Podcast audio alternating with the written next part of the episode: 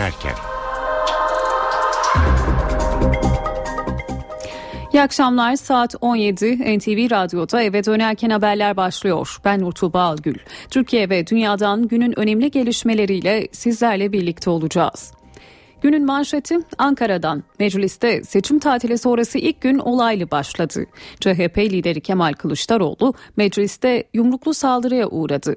Parlamento bir anda karıştı. Saldırganı önce CHP liderinin yakın korumaları ve partiler ardından meclis polisi müdahale etti.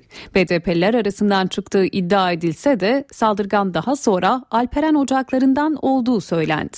Saldırganı öfkeli partilerin elinden BDP'li vekiller kurtardı. Kılıçdaroğlu'nun yüzünde oluşan şişkinliğe hemen para basıldı. Ardından odasında sağlık görevlileri CHP liderine ilk müdahaleyi yaptı. CHP lideri daha sonra grup konuşmasını yapmak için alkışlar arasında kürsüye çıktı. Kılıçdaroğlu sükunet çağrısı yaptı, biri yumruk attı diye geri, geri adım atacak değiliz dedi. Herkesi sükunete davet ediyorum.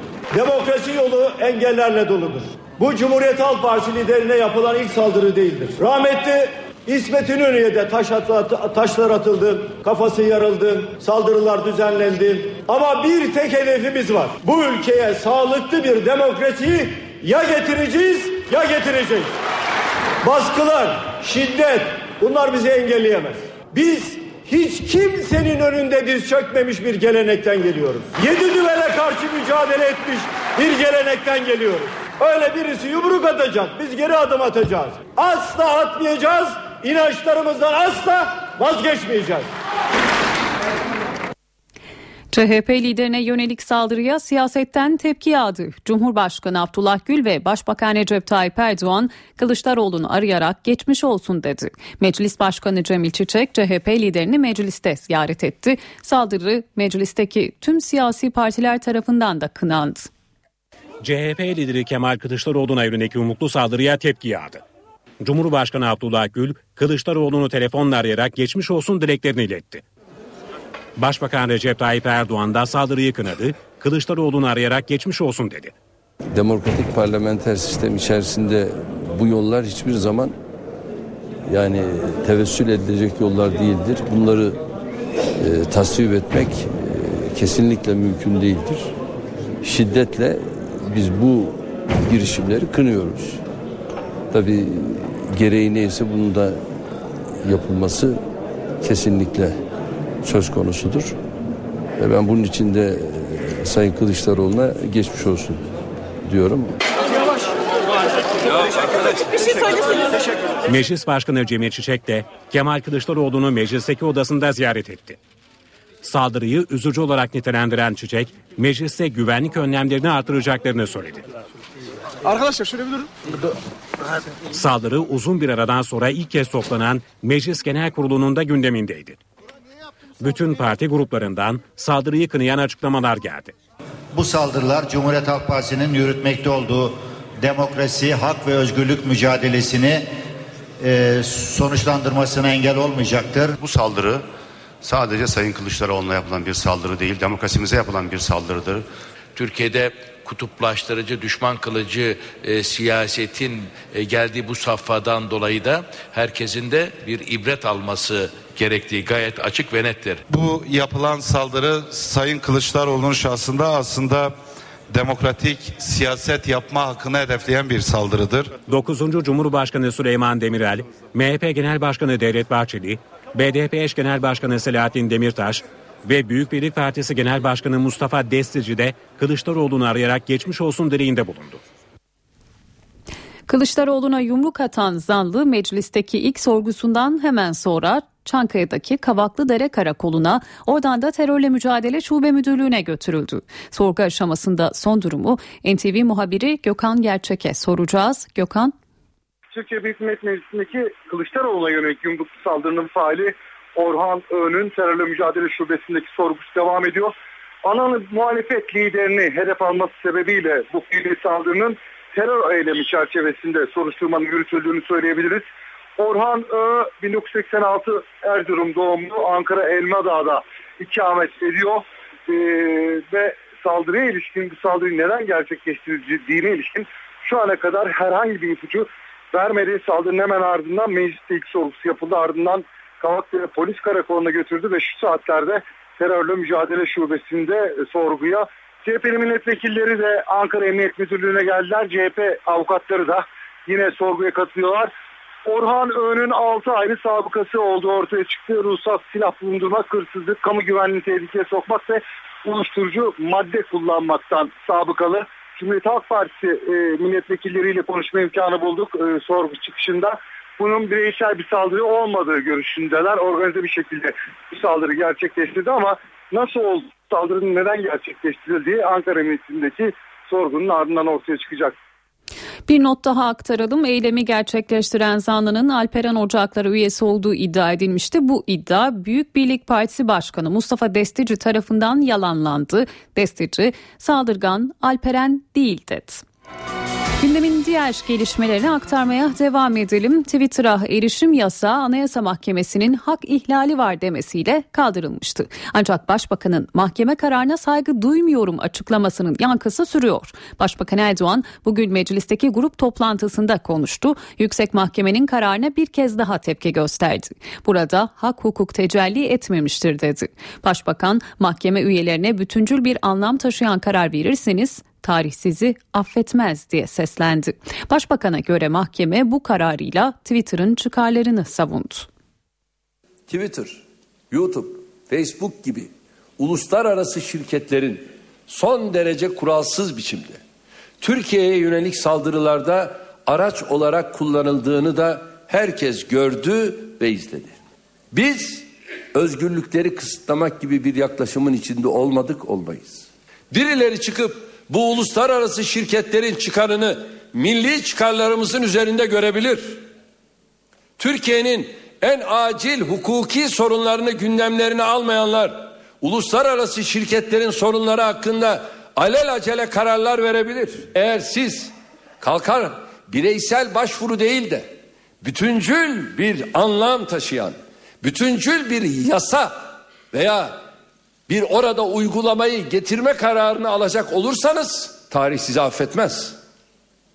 Siz bununla sadece uluslararası ticari şirketlere hizmet etmiş olursunuz. Adeta Twitter'a hizmet etmiş olursunuz. YouTube'a hizmet etmiş olursunuz. Facebook'a hizmet etmiş olursunuz.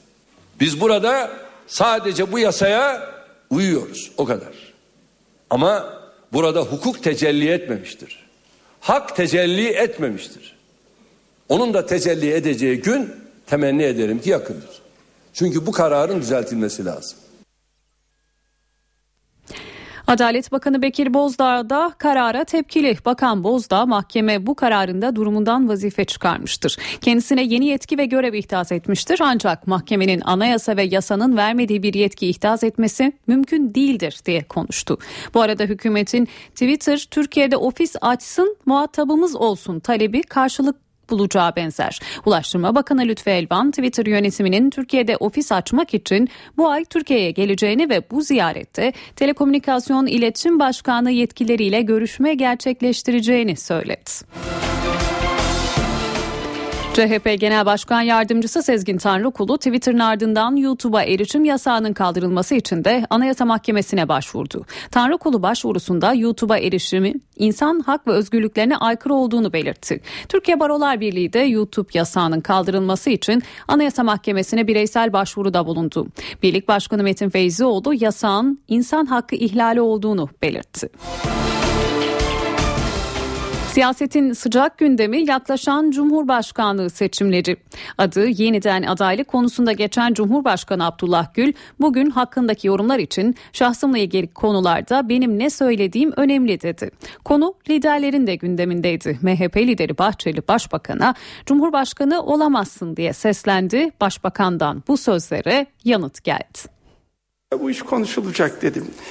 Nitekim tabii öyle de gerçekçi, realist olmamız gerekir. Başbakan başta olmak üzere Cumhurbaşkanlığı adaylığı konuşulacak ve bir yol çizilecek. Cumhurbaşkanı Abdullah Gül, Cumhurbaşkanlığı adaylığı konusunda konuştu. Tayyip Erdoğan'ın Cumhurbaşkanı olması halinde kendisine başbakanlık yolunu açacak formüllerle ilgili karar benim mesajı verdi. Şahsımla ilgili konularda benim ne düşündüğüm ve ne söyleyeceğim önemli olacak tabii ki. Cumhurbaşkanlığı seçimi Başbakan Erdoğan ve MHP lideri Devlet Bahçeli'nin de gündemindeydi. Sayın Gül ile Başbakan Erdoğan aralarında anlaşmaları halinde her şey netleşecektir. Anlaşamadıkları takdirde Cumhurbaşkanlığı makamına oturacak kişinin kura ile bile belirlenmesi ihtimal dahilindedir. Benim yani Cumhurbaşkanımızla konuşmak suretiyle bu konuyu istişare etmemden daha doğal, daha tabii ne olabilir? Bundan niye rahatsız oluyorsun? Başbakan Cumhurbaşkanı sivil olmalı diyen CHP lideri Kemal Kılıçdaroğlu'na da yüklendi. Bunun kim olacağı noktasındaki kararı sen veremezsin. Sen kendi adayını belirlersin. Yavru muhalefetin başındaki aday olacaksa o aday olur. Çıkarsınız meydana. Ha millet de kimi takdir ederse onu seçer. Bahçeli ise CHP liderinin ortak aday olabilir açıklamasını ham ve çiğ olarak değerlendirdi. Başbakanın olası adaylığına tepki gösterdi. İki yanlıştan bir doğru çıkmaz. Tekeden süt sağılmaz. Suda ateş yanmaz. Recep Tayyip Erdoğan'dan da Cumhurbaşkanı olmaz. Yerel seçime yönelik Adana'da AK Parti'nin itirazı üzerine 482 sandıkta geçersiz oylar yeniden sayıldı. İlk sayımda MHP adayı önde çıktı. Bu sandıklarda bu kez 190 oy AK Parti'ye 50 oysa MHP'ye çıktı. AK Parti Adana genelinde 55 bin oyun yeniden değerlendirilmesi için bu kez Yüksek Seçim Kurulu'na başvurdu. Adana'nın Yumurtalık ilçesinde ise çöplükte yanmış oy pusulaları bulunduğu iddiası üzerine inceleme başlatıldı. Bingöl'de AK Parti'den belediye meclis üyesi seçilen Nurten Ertuğrul'un istifası Ankara'da yankı yarattı. Ertuğrul belediye başkanının dini ve örfi nedenlerle belediye başkan vekilliğine ve başkan yardımcılığına kadınları getirmeyi düşünmüyoruz dediğini, bu sözleri protesto ederek istifa ettiğini duyurdu. Bingöl Belediye Başkanı ise tepkiler üzerine bu sözleri reddetmedi. Ancak AK Partili kadın belediye meclis üyesinin istifasının kişisel beklentileri karşılanmadığı için olduğunu iddia etti. CHP lideri Kemal Kılıçdaroğlu da AK Partili Ertuğrul'u tavrından ötürü tebrik ettiğini duyurdu. Dinimizde ve örfümüzde kadınlar çalışmaz diye bir şey yok dedi. Aile ve Sosyal Politikalar Bakanı Ayşenur İslam'dan da açıklama geldi. Bakan İslam, belediye başkanı eğer böyle bir şey söylediyse bu AK Parti olarak prensiplerimizin tamamen dışında bir söylemdir açıklamasını yaptı. Özetlerle devam edelim. Kars'ta kaybolduktan bir gün sonra cesedi bulunan 9 yaşındaki Mert Aydın'ın otopsi raporu tamamlandı. Çocuğun cinsel saldırıya uğradığı ve darp edilerek öldürüldüğü belirlendi. Olaya tepki gösteren öfkeli kalabalık failin yakalanması talebiyle emniyete yürüdü. Adana'da da yasa dışı telefon dinlemeye ilişkin operasyon düzenlendi. Yapılan baskında biri emekli 8 polis gözaltına alındı. Aralarında emniyet müdür yardımcısı da var. Gezi Parkı eylemleri sırasında palayla göstericilere saldıran Sabri Çelebi hakkında yakalama kararı çıkarıldı. Batman'da asker arkadaşının silahından çıkan kurşunla hayatını kaybeden Er Sevak Balıkçı davasında askeri yargıtay başsavcılığı kasıt yok görüşü bildirdi. Fiyatı zirve yapan meyvelerden muz şimdi de ölümcül mantar tehdidiyle karşı karşıya. Birleşmiş Milletler Tarım ve Gıda Örgütü muz üretimini tehdit eden ölümcül mantar hastalığının hızla yayıldığını duyurdu. Gıda Tarım ve Hayvancılık Bakanlığı da Türkiye'de bu hastalığın görülmediğini dışarıdan gelmesini engellemek için de muz fidesi ithalatının durdurulduğunu açıkladı.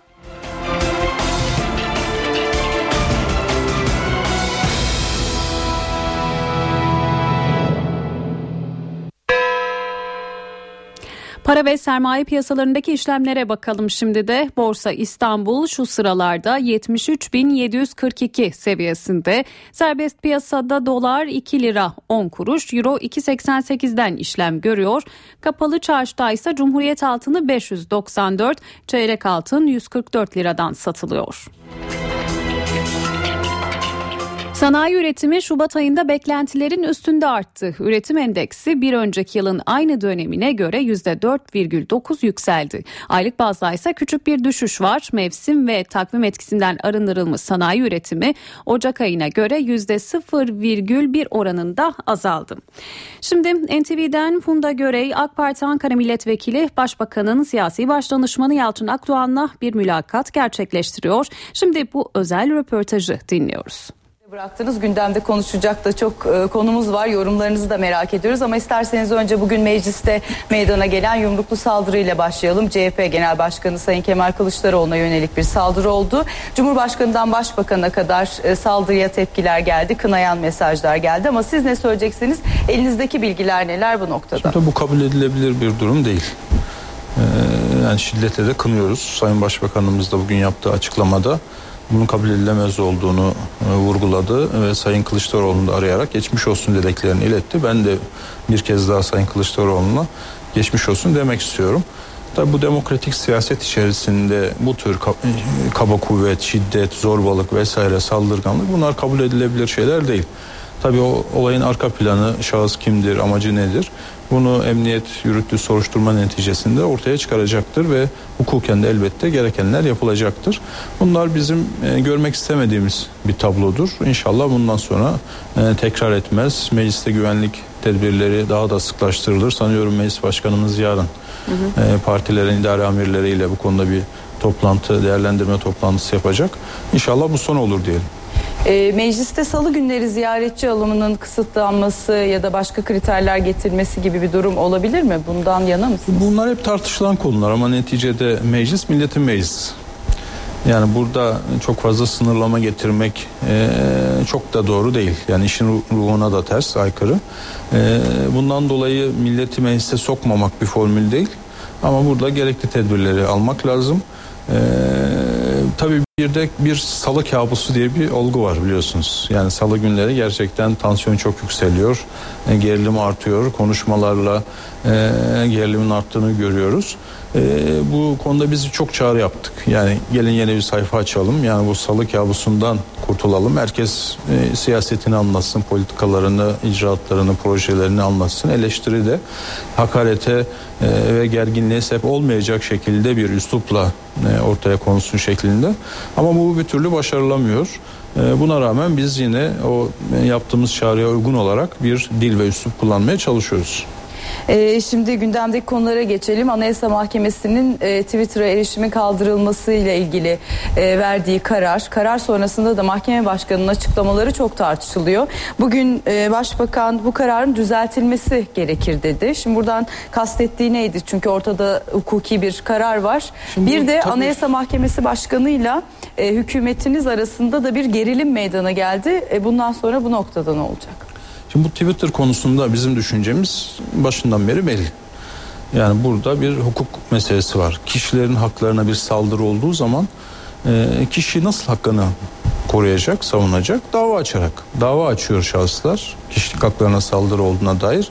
Fakat mahkeme kararları gerçekleşmiyor. Twitter ne Türkiye'yi tanıyor, burada temsilcilik açıyor, muhatap kabul ediyor, ne mahkeme kararlarını kabul ediyor, ne de burada kişilik haklarına Türk milletinin buradaki bireylerin kişilik haklarına dönük saldırıları kale alıyor. Böyle olunca tabii tek tek o hesaplar kapatılamadığı için topyekün Twitter kapatılmış oldu. Şimdi buna karşı Anayasa Mahkemesi'nin verdiği karar da çok tartışılan bir karar. Ve Sayın Başbakanımızın dediği de şudur. Yani burada tamam açıldı. Yani iletişim özgürlüğü vesaire. İşin bir tarafı bu ama diğer tarafında da bir mağduriyet var. Bu mağduriyet nasıl giderilecek? Öyle değil mi? Siz bir karar veriyorsanız oradaki Anayasa Mahkemesi bireysel başvuru, bireysel hak özgürlük vesaire yani kişisel özgürlük kadar kişisel hakları korumak da gerekiyor. Evrensel değerler bunu da gerektiriyor. Bu nasıl korunacak? Yani bu vatandaşlarımızın mağduriyeti nasıl giderilecek?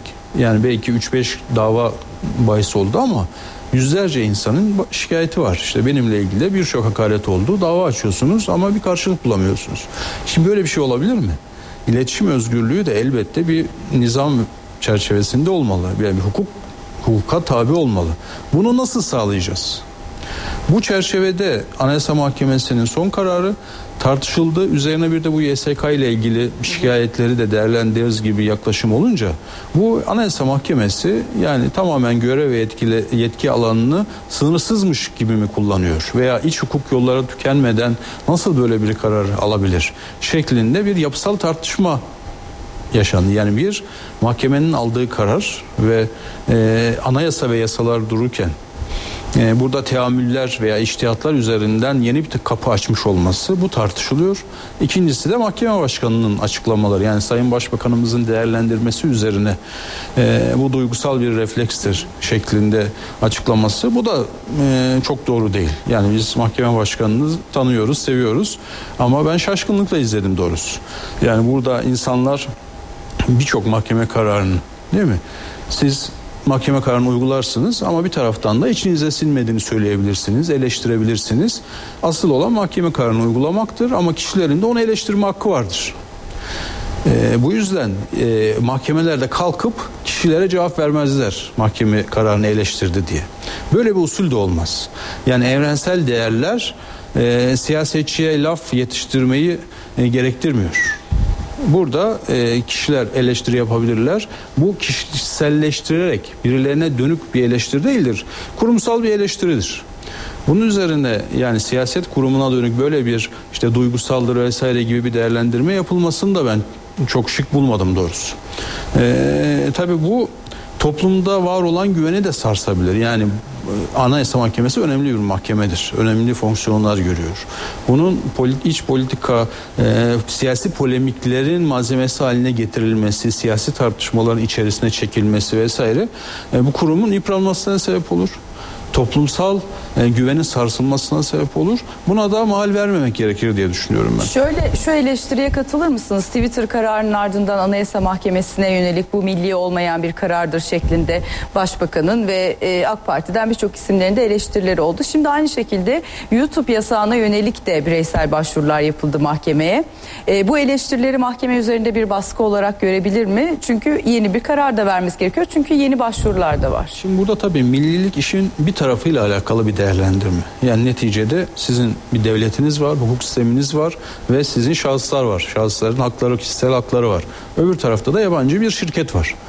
Burada yabancı şirket biz hemen bu tür hadiselerde dövünmeye başlıyoruz ve e, e, objektif değerlendirme yapmak yerine karşı tarafı tutmaya çalışıyoruz. Şimdi bu yanlış bir değerlendirme. Şimdi bu şirket Türkiye'yi tanıyorum tanımıyor. Türk hukuk sistemini kale alıyorum almıyorum. Burada e, para kazanıyor, vergi veriyor mu vermiyor buradaki yaptığı işler elbette bir hukuk çerçevesinde olmalıdır. Şimdi iletişim özgürlüğü meselesi. Bu şirket neticede siz interneti kapatmıyorsun. Bu şirket kendi kendini kapatma kararı aldı diyelim. Şimdi Anayasa Mahkemesi ne diyecek? İletişim özgürlüğüne bu ağır bir darbedir. Sen kendi kendini kapatamazsın mı diyecek. Yani böyle bir şey olabilir mi? Veya dese bile zaten Anayasa Mahkemesi'ni de bu şirket tanımıyor, kabul etmiyor. Şimdi bunları bu yüzden sapla samanı karıştırmadan değerlendirmek lazım. İletişim özgürlüğü de bireysel özgürlük de elbette önemlidir. Ama bireysel hakları korumak da garanti altına almak da bir hukuk mevzuatı içerisinde bu süreci işletmek de mutlak şarttır. Yoksa bu daha vahim sonuçlar doğurabilir. İşte milli güvenlik e, ile ilgili konunun toplantının dinlenmesi, kaydedilmesi, servis edilmesi ulusal güvenlik sorunu olarak karşımıza çıktı. Şimdi bu yüzden burada e, objektif değerlendirmek durumundayız. Hem ulusal meseleleri ulusal çıkarlarımızı nazar almak durumundayız hem de bireysel hak ve özgürlükleri nazar almak durumundayız. E, bu çerçevede YouTube meselesi de yani siz Türkiye'nin ulusal güvenliğine dönük bir takım yayınlara aracılık ediyorsanız mahkeme kararlarını ki burada mahkeme kararı bile gerekmiyor. Direkt ulusal güvenlik meselesi olduğunda dünyanın her yerinde devletler buna müdahale etmektedir. Yani Twitter meselesinde de İngiltere ve Amerika olduğu zaman temsilcilik açacak, mahkeme kararlarını uygulayacak. Türkiye mevzu olduğunda hiç gale almayacak. Bu kabul edilebilir bir durum değil. Sayın Başbakanımızın dediği millilik bu bununla ilgili. Ama ortada hukuki elbette bir durum var. Hukuki açıdan da bu eleştiri açık bir konudur. Ee, şimdi gelelim bir başka tartışmalı konuya. Cumhurbaşkanlığı seçimleriyle ilgili e, yaşanması muhtemel süreç. E, şimdi artık bu konu tartışılır hale geldi. Her ne kadar yerel seçim sonuçları daha fazla analiz edilmeli şeklinde görüşler olsa da. Siz e, ne diyorsunuz? Sayın Başbakan köşke aday olur mu? Sayın Gül yeniden başbakanlığa döner mi? Ben size sorayım. Şimdi burada tabii şahıslar bunlar bu hareketin önemli şahsiyetleri. Bu şahısların e, iradelerine ipotek koyacak şekilde e, tartışmaların içine çekilmesini ben doğru bulmam. Yani onların öncelikle şahsi kanaatleri, tercihleri, kararları önemlidir. Bunlar üzerinde spekülasyon yapmak da doğru değildir. Ama neticede e, bu büyük bir hareket. AK Parti gerçekten Türkiye'nin en önemli hareketlerin, en büyük hareketlerinden bir tanesi. 2007 yılında da biz bunu yaşadık. Değil mi? Cumhurbaşkanı adayını belirledik. İşte Cumhurbaşkanı seçim sürecini yaşadık. Burada o süreçte de bütün kurullar çalıştırıldı. Yani partinin ilgili kurulları. Bu büyük bir bünye var. Bu bünyenin içindeki bütün birimlerin fikirleri alındı. MKYK, MYK vesaire il başkanları toplantıları. Yani başbakanımız diğer partileri ziyaret etti. Onların görüşlerini aldı. Yani balıkçıya kadar esnaflara kadar herkese sordu fikirlerini aldı. Ondan sonra kendi ailesiyle de bir değerlendirme yaptı ve hem Türkiye'nin hayrına olan hem de AK Parti'nin e, umumi fikrini yansıtacak şekilde bir karar aldı ve 2007 yılında işte adayımızı açıkladık. Cumhurbaşkanı seçtik. Yine mi bu aynı süreçte, yolu izler Bu süreçte elbette bütün bu yani partinin, hareketin parçalarının ne dediği toplumun hissiyatının ne olduğu bunlar önemli konulardır. Bunlar değerlendirilecektir ve bu mekanizmalar işletilecektir. Yani bu hareketin ne dediği de elbette önemlidir. Ama dediğim gibi bu şahıslar önemli şahıslardır. Bunların kendi aralarında bunu değerlendirmesinden tabii hiçbir şey olamaz. Ee, Sayın Cumhurbaşkanımız da Başbakanımız bu tür önemli konuları daha önce de istişare etmişlerdir. Bundan sonra edeceklerdir. Ee, bunları da çok fazla spekülasyona boğmak, polemiklerin içerisine çekmek vesaire onlara karşı da saygısızlık olur. Bu yüzden bence daha sorumlu ve ölçülü davranmak gerekir diye düşünüyorum. Bunu ben kendi arkadaşlarımıza dönük olarak da söylüyorum. Ee, peki şunu hesap ediyor mu e, AK Parti hem yönetimi hem milletvekilleri hem beyin takımı olarak e, geçmişteki örnekler Demirel örneği, Turgut Özal örneği gibi kişi genel başkan köşke çıktığında partinin bir anlamda yıpranması, oy kaybetmesi gibi endişeler. Bunlar da hesap ediliyor mu tüm bu hazırlıklar içinde? Şimdi tabii bu kim olacak? Senaryolar üzerinden Kim olacak sorusundan evet. sonra değerlendirilecek konular. Elbette kim olacak sorusuna cevap ararken de birçok seçenek değerlendirilecektir. Yani sonrası da değerlendirilecektir. Partinin geleceği değerlendirilecektir. Türkiye'nin hayrına olan ne olduğu değerlendirilecektir. Yani çok boyutlu bir değerlendirme elbette yapılacaktır. Ama AK Parti büyük bir hareket. Yani Cumhuriyet tarihinin işte grafik belli. Yani yerel seçimlerde en yüksek oy alan parti olduk. Ee, üç seçim üstte %50'lere varan bir parti olduk. Büyük bir hareket var. Yani gençlik kollarımız Türkiye'nin en büyük gençlik kolları, kadın kollarımız en büyük kadın hareketi. Ee, ana kadememiz gerçekten bizim e, üye sayımız diğer partilerin seçmen sayısından belki daha fazla. Yani büyük bir hareket var ve bu hareketin yetiştirdiği çok önemli isimler de var. Yani AK Parti'deki birçok isim muhalefet partisi liderlerinden kat be kat daha değerlidir, daha başarılıdır, daha tecrübelidir. Bu yüzden böyle bir isim sıkıntısı AK Parti'nin türbülansa girme gibi bir durum söz konusu hiç olamaz diye ben düşünüyorum. Ee, ama burada dediğim gibi zamanı geldiğinde e, partinin ilgili, ilgili kurullar da bunu değerlendirecektir. İsmi geçen kişiler de elbette bunu değerlendirecektir ve en doğru kararı vereceklerdir. Burada mesele kişisel ikbal meselesi değildir. Makam mevki meselesi değildir. Bu bir hareket meselesidir. Türkiye'nin menfaati meselesidir ve en doğru olan elbette bulunacaktır. Bu değerlendirmede ele alacağınız e, donelerden biri de elbette yerel seçim sonuçları olacaktır. Çünkü kimi yorumlarda yerel seçim sonuçlarında bu oy oranı Tayyip Erdoğan'ın e, şahsına verilmiş bir oy olarak da yorumlanabilir. Dolayısıyla köşke giden yolu kolaylaştırdı şeklinde yorumlarda var. Bu tabii çok Buna önemli bir başarı. Bir de, tabii sonuçları nasıl değerlendiriyorsunuz? Tabii yani yerel seçimlerde başka faktörler de devreye giriyor. Aday faktörü çok önemli. Ve hiç yani genel seçimlerde iddiası olmayan partiler bile yerel seçimlerde belli ilçelerde illerde iddialı olabiliyorlar. İşte Demokrat Parti mesela. Hı hı. Genel siyasette yok ama yerel seçimlerde belediye Altı kazanabiliyor. Bundan dolayı partilerin oy oranında düşebiliyor. Çok farklı faktörler gündeme gelebiliyor ama bu seçim biraz genel seçim havasında geçti. Yerel faktörler bunu azaltmış olabilir yüzde 46'lar civarında ama genel seçimde AK Parti'nin oyun %50'leri yine aşacağı anketler de bunu gösteriyor. E, bu yüzden ben e, ilk turda Cumhurbaşkanı'nın seçileceği kanaatindeyim. AK Parti'nin e, gücü buna yetecektir diye ben inanıyorum. E, bu yüzden bir sıkıntı olmayacaktır. Ama Başbakan tabii burada, değil aday kim olursa diye söylüyorsunuz. Yani AK Parti'nin önereceği adam, adayım ben seçileceği kanaatindeyim. Ee, burada tabii seçim sonuçlarını biz çok iyi analiz ediyoruz. Yani muhalefet seçim sonuçlarından yeterli ders çıkarmayabilir belki. Ama biz ertesi gün başlıyoruz. İl il ilçe ilçe Yani nerelerde oyumuzu arttırdık, nerelerde geriye gittik, nerelerde diğer partiler arasında ittifak oldu. Bu seçimde çok ciddi ittifaklar oldu. Yani büyük şehirlerde CHP'ye, diğer illerde Anadolu'da MHP'ye kayma oldu. Yani ve vahim sonuçlar da var muhalefet açısından. Düşünün 26 e, şehirde CHP %10'un altında kaldı. Yani bu ana muhalefet partisi için vahim bir durumdur. MHP 10, 19 ilde %10'un altında kaldı. Ve tüm Türkiye'yi kucaklayan, Türkiye'nin birliğinin, beraberliğinin garantisi, sigortası olan partinin AK Parti olduğu bir kez daha görüldü. Şimdi işte Türkiye haritasına baktığınızda görüyorsunuz ve bu sadece birinci olduğumuz iller, ikinci olduğumuz birçok yerde biz ikinci olduk. İlçe bazında Türkiye haritasını çıkarırsanız yani sahiller de olmak üzere Türkiye'nin her tarafından AK Parti oy aldı. Her tarafından belediye kazandı. Belediyelerin %59'unu bu seçimde AK Parti kazandı. Yani 823 belediye kazandık. 81 ee, ilin 49'unu AK Parti aldı. 919 ilçenin 562'sini 396 bellendi 213'ünü aldık. Ve bütün bölgelerde sadece Ege'de binde ikilik bir fark var. Bütün bölgelerde AK Parti birinci parti çıktı. Türkiye'yi kucaklayan tek hareket olduğunu gösterdi. Ee, ve biz bunları tek tek analiz ediyoruz. Bu analizler üzerine arazide elbette çalışmaya devam ediyoruz. Bu Cumhurbaşkanlığı sürecine de elbette etki edecektir.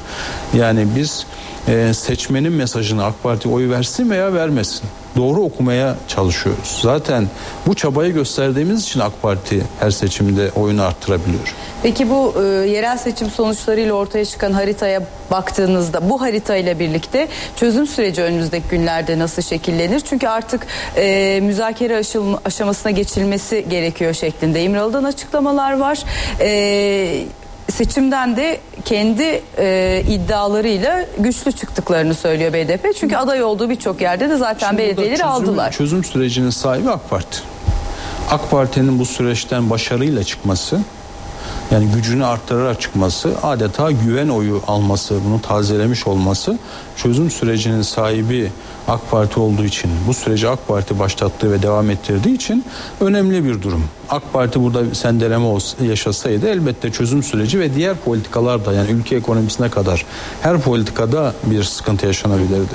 AK Parti'nin dimdik ayakta kalması çözüm sürecinin de sağlıklı bir şekilde devam edeceğini gösterecektir. Tabii örgüt tarafından işte yok tasfiye edecekler, oyalama var e, vesaire gevşetiyorlar süreci gibi açıklamalar yapılıyor. Bunlara itibar etmemek lazım. Burada çözüm sürecinin biz faydalarını bölgede rahat bir seçim atmosferi geçirilmesiyle de gördük, yaşadık. Yani ilk defa baskı, tehdit, şantaj olmadan, silahların gölgesi olmadan e, gerçekten huzurlu bir seçim geçirildi. Ağrı'da bir takım olaylar oldu. Hı hı. Seçim yenilenecek, yenilenecek ama onun dışında gerçekten bir rahatlama oldu. Burada BDP açısından baktığımızda BDF e, gerçekten bölgede birçok yer aldı. E, gücünü konsolide etmiş oldu. Siyasi meşruiyetini arttırmış oldu ama baktığımızda genel oya göre gerileme olduğunu da söyleyebiliriz. Yani HDP ile ikisini toplarsak. Bunda ben iki e, sebep olduğunu düşünüyorum. Bir tanesi biraz, biraz önce söylediğim yani bölgede gerçekten bu baskının tehdidin kalkması de silahların gölgesinde seçim yapılmaması vatandaşın rahat oy kullanmasına sebep oldu. Ee, Birçok yerde BDP e, beklediği oyu da alamadı. Mesela Diyarbakır'da 70'leri bekliyordu. 55 aldı. Mardin'de, Van'da vesaire birçok yerde AK Parti oyunu arttırdı. İkinci olarak da tabii batı bölgelerinde aday birçok yerde çıkarmadığı için buradaki oylarını mobilize edemedi ve bu diğer partilere dağılmış oldu. Ee, tabii örgüt tarafından son dönemde e, biraz e, böyle e, sıkıntılı bir takım eylemler de ortaya çıktığını görüyoruz. Yol kesmeler, işte taciz ateşleri vesaire bu tehlikeli bir oyundur. E, burada Sayın Başbakanımızın açıklamaları veya siyasi beyanatlar üzerine e, bu tür bir dayatma içerisine girerlerse bu son derece yanlış olur. Yani bu çözüm sürecinde artık yani silahlar sussun, fikirler konuşsun deniyorsa siyaset kurumuna şans vermek gerekir. Siyaset kurumunun muhatap olması gerekir. Siyaset kurumunun cevap vermesi gerekir. Yani, yani sizin bir açıklamanıza hemen yarın kırsalda birileri ateş ederek cevap vermeye kalkarsa böyle bir süreç olmaz. Burada buna cevap verecek olan siyaset kurumudur. Siyaset zemininde bu tartışma yürür. Bu polemikler yürür. Biz bunu devre dışı bırakamazsak o zaman diğer yapılanların inandırıcılığı kalmaz. Yani Öcalan'ın Nevruz'da verdiği demokratik siyaset mesajının inandırıcılığı kalmaz. Veya BDP'ye güvendiklerine dair bir inandırıcılık kalmaz. Yani bundan sonraki süreçte e, bir takım polemikler olabilir, farklı e, işte hoşlarına gider veya gitmez bir takım açıklamalar olabilir. Bunların muhatabı siyasi aktörlerdir, siyaset kurumudur ve siyaset kurumu tartışarak bunları aşmak durumundasın. Şimdi çözüm süreciyle ilgili somut olarak önümüzdeki günlerde ne bekliyoruz? Yani İmralı'ya akademisyenlerin gitmesi, gazetecilerin gitmesi, yeni bir paket hazırlanması ya da BDP'lilerle yeni bir görüşme süreci için masaya oturulması ne bekleyelim somut olarak? Şimdi bunlar zaten devam eden süreçler. Yani BDP'liler İmralı'ya gidiyorlar. İşte istihbarat örgütümüzün değerlendirmeleri oluyor. Ee, Öcalan işte Nevruz'da mesaj verdi vesaire. AK Parti kendi reform sürecini zaten devam ettiriyor. Yani biz bu mesela akşamdan sabaha çözülecek bir mesele değil. İç içe geçmiş karmaşık bir sorun var önümüzde. Ve toplumsal algıyı idare ederek, toplumsal kabulü sağlayarak yol almamız gerekiyor. Bu yüzden AK Parti de bu hassasiyetleri gözeterek ama reform kararlılığıyla yoluna yürümeye devam ediyor. Bu süreçte yapılacaklar var, e, yapılanlar var. Belki daha ileri adımlar olabilir ama bunlar dediğim gibi toplumun hazım kapasitesiyle de e, toplumsal algıyı da yöneterek e, ve bütün Türkiye'nin kabul edeceği şekilde olmasıdır. Yoksa bir örgüt bir şey istiyor diye bir şey yapılmaz. Toplumun umumu bunu ne kadar kabul ediyor? Bunu da sağlamak gerekiyor. Bunu sağlaması gerekenler de siyaset kurumudur. Bu yüzden artık bundan sonra Kandil'deki işte kırsaldaki örgüt elemanlarının konuşması, e, bir takım dayatmalarda, tehditlerde bulunması değil. BDP burada şunu demesi lazım. Bu süreçte biz varız. Siyaset kurumudur bu işi yapacak olan. Biz konuşuruz. Yani her konu olduğunda tekrar silah dayatması, terör dayatması içerisine girmesi bu süreci zehirler. Buna mahal vermemek lazım ve bölgede büyük bir umut var. Sürece ciddi bir toplumsal destek var. Ee, bu süreci e, bizim aynı şekilde devam ettirmemiz gerekiyor. Ama sabırla, teenniyle, sağduyuyla devam ettirmemiz Somut gerekiyor. olarak neler yapılacağı Şimdi e, tabii burada ben bu işin başında değilim. İlgili kurullarımız bunu değerlendiriyor. Bakanlar Kurulu'dur, MYK'dır. Bu konuyu çalışan ilgili bakanlarımızdır. Bugüne kadar biz birçok adım attık. Bunları örgüt istiyor diye atmadık. Vatandaşımızın ihtiyacı olan ne varsa, vatandaşımıza layık gördüğümüz ne varsa, hak ettiği vatandaşımızın ne varsa adımları atıyoruz. Ama demokratikleşme bir süreç.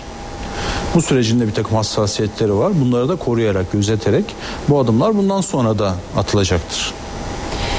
Ee, şimdi çok tartışılan konulardan bir tanesi de seçimden önce de elbet çok tartışıldı. Paralel yapı, paralel yapıyla mücadele.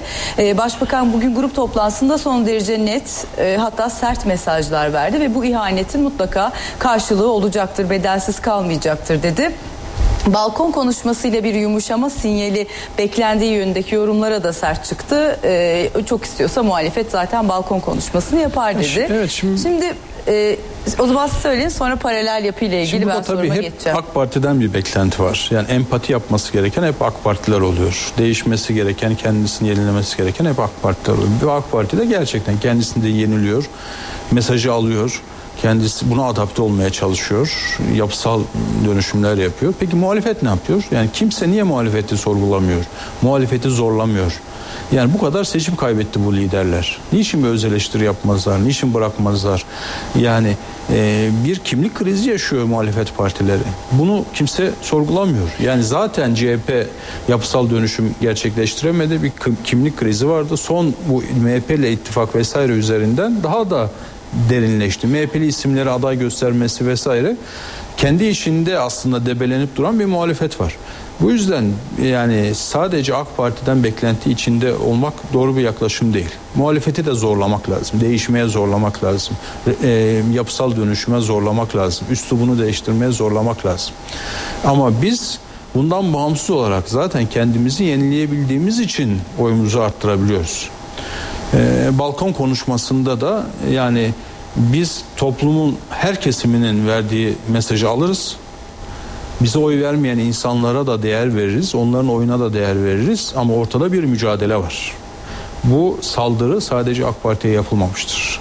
Devlete dönük bir saldırı olarak vatandaşımız bunu algılamıştır. Bir ulusal güvenlik meselesi olarak algılamıştır. Burada e, bir taviz, geri adım vesaire bu mücadelenin doğasına da terstir. Seçmenin verdiği mesaja da terstir. E, bu seçimde çünkü bu konu önemli bir konuydu. Vatandaş da bu tehlikeyi gördü, tehdidi algıladı ve bununla mücadele edin diye de AK Parti oy veren insanlar var. Bu yüzden e, balkon konuşmasında her şeyi sıfırlayalım, hiçbir şey yokmuş gibi davranalım. Bu söz konusu olamaz çünkü ortada paralel yapı duruyor. Yani Nasıl devletin içerisine yapar? çöreklenmiş, devletin gücünü kullanarak devlete operasyon çeken e, illegal bir yapılanma var. Bununla ilgili elbette hukuk içerisinde yani cadava başlatmak falan değil. Hukuk içerisinde mücadele etmek gerekiyor. Yanlış yapan kimse, suç işleyen kimse bunun üzerine gidilmesi gerekiyor. Burada biz çağrımızı yapıyoruz, yargıya da yapıyoruz. E, idari olarak e, alınacak tedbirler var. Bunu zaten hükümet alıyor.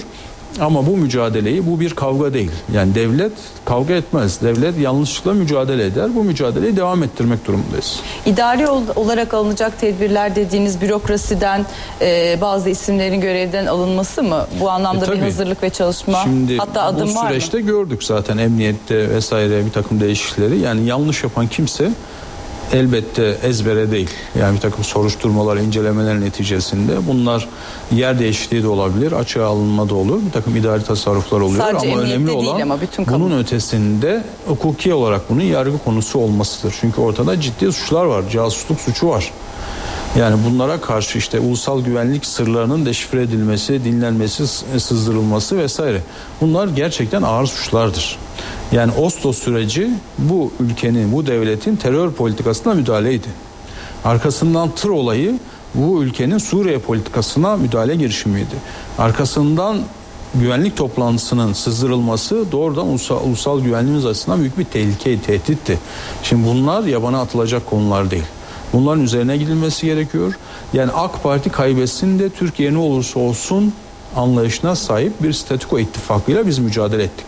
Bunun siyasi boyutu var. Siyasi mücadele etmemiz gerekenler bunlarla ediyoruz. Ama bir de hukuki mücadele edilmesi gerekenler var. Burada suç işleyenlerin de yargının üzerine gitmesi gerekiyor. E, şimdi bugün Adana'da bir operasyon yapıldı. Biri emekli 8 emniyet görevlisi gözaltına alındı.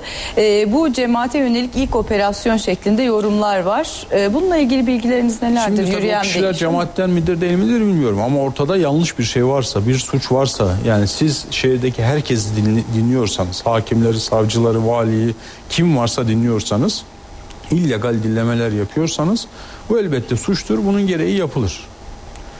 Ee, burada etiket vurmak yerine objektif olarak izlemek, görmek ve suç üzerinden e, bir değerlendirme yapmak lazım.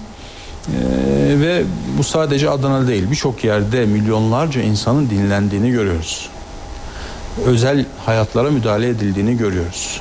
Bu dinlemeler üzerinden bir takım şantajların yapıldığını görüyoruz. Bir takım dosyalar üzerinden insanlar üzerine baskı kurulduğunu görüyoruz. Yani şantaj şebekesine dönüşen bir yapı var, hastalıklı bir yapı var. Elbette bunun üzerine gitmek gerekir. Yani dinleme üzerinden güç devşiren, bunu başka amaçlar için kullanan bir yapı ortada var. Yani hangi demokratik ülkede milyonlarca insan bu şekilde dinlenebilir?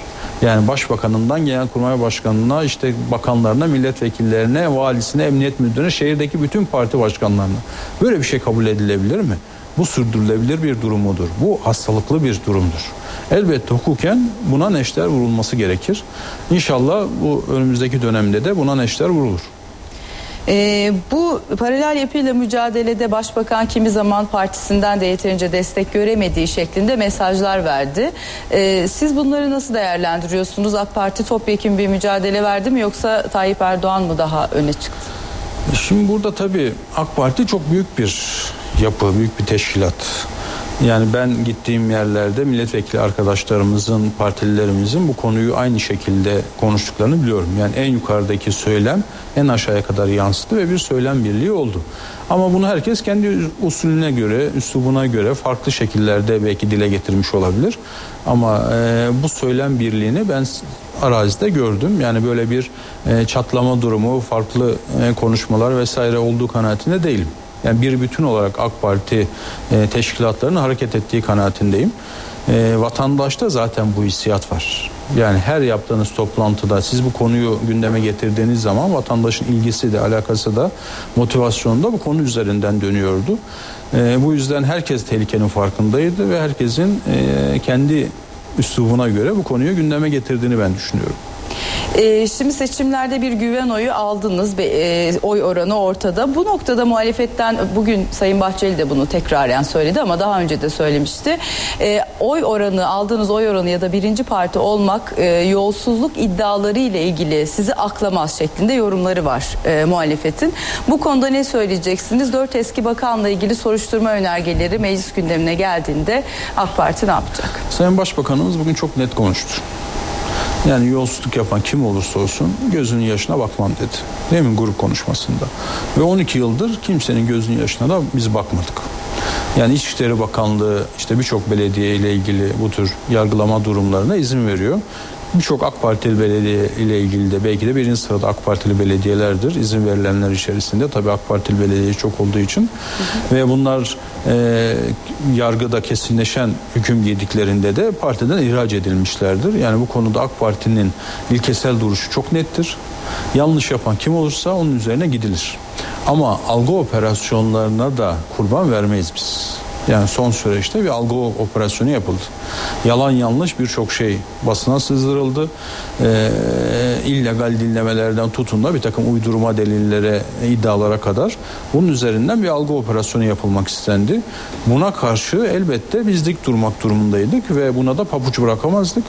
Bu ayrı bir konu. Onun ötesinde muhalefet aylardır bu konu işliyor. Çok büyük iddialar var diyor. Peki niçin sor, e, soruşturma komisyonu kurulmasını istemediler? Yani 55 milletvekili yeterli. AK Parti başvurduktan sonra onlar da başvurdular. Yani aylarca bunu tepe tepe kullandılar. Soruşturma komisyonu kura, kurulup bunların yüce divana gönderelim diyebilirlerdi. Demediler. Bu da bir samimiyetsizliktir. Bunu yine biz Hodri Meydan gelin soruşturma komisyonunu kuralım dedik. Ve bu komisyon kurulacak işte bir ay içerisinde ve çalışacak. Ondan sonra e, değerlendirilecek raporlar hazırlanacak. Yüce Divan'a sevk eder mi etmez mi genel kurulun takdirindedir. Yani burada hiçbir şeyin aklandığı, gizlendiği, örtüldüğü gibi bir durum söz konusu değil. AK Parti'nin burada duruşu nettir. Gereken neyse bunu yapar ama uydurma deliller, iddialar vesaire üzerinden üretilen algı operasyonlarına da prim vermez. Ee, şimdi bugün siz de biraz önce konuşmanızda söylediniz bu siyasetteki üslup, e, bu sert ifadelerin yumuşaması için özellikle dediniz salı günleri bunlar yaşanıyor. Ee, Sayın Başbakan da Kılıçdaroğlu'nun bugünkü telefon görüşmeleriyle böyle bir yol açılabilir mi? Yoksa bu gerilim önümüzdeki Cumhurbaşkanlığı seçimine oradan genel seçime kadar devam eder mi? Türkiye bunu kaldırabilir mi kolay kolay? Şimdi burada tabii Sayın Başbakanımız arada inşallah böyle bir kapı açar temennisindeyiz. Daha önce de bir takım telefon görüşmeleri oldu ama ertesi gün hiçbir şey yokmuş gibi aynı üslupla konuşmalar devam etti.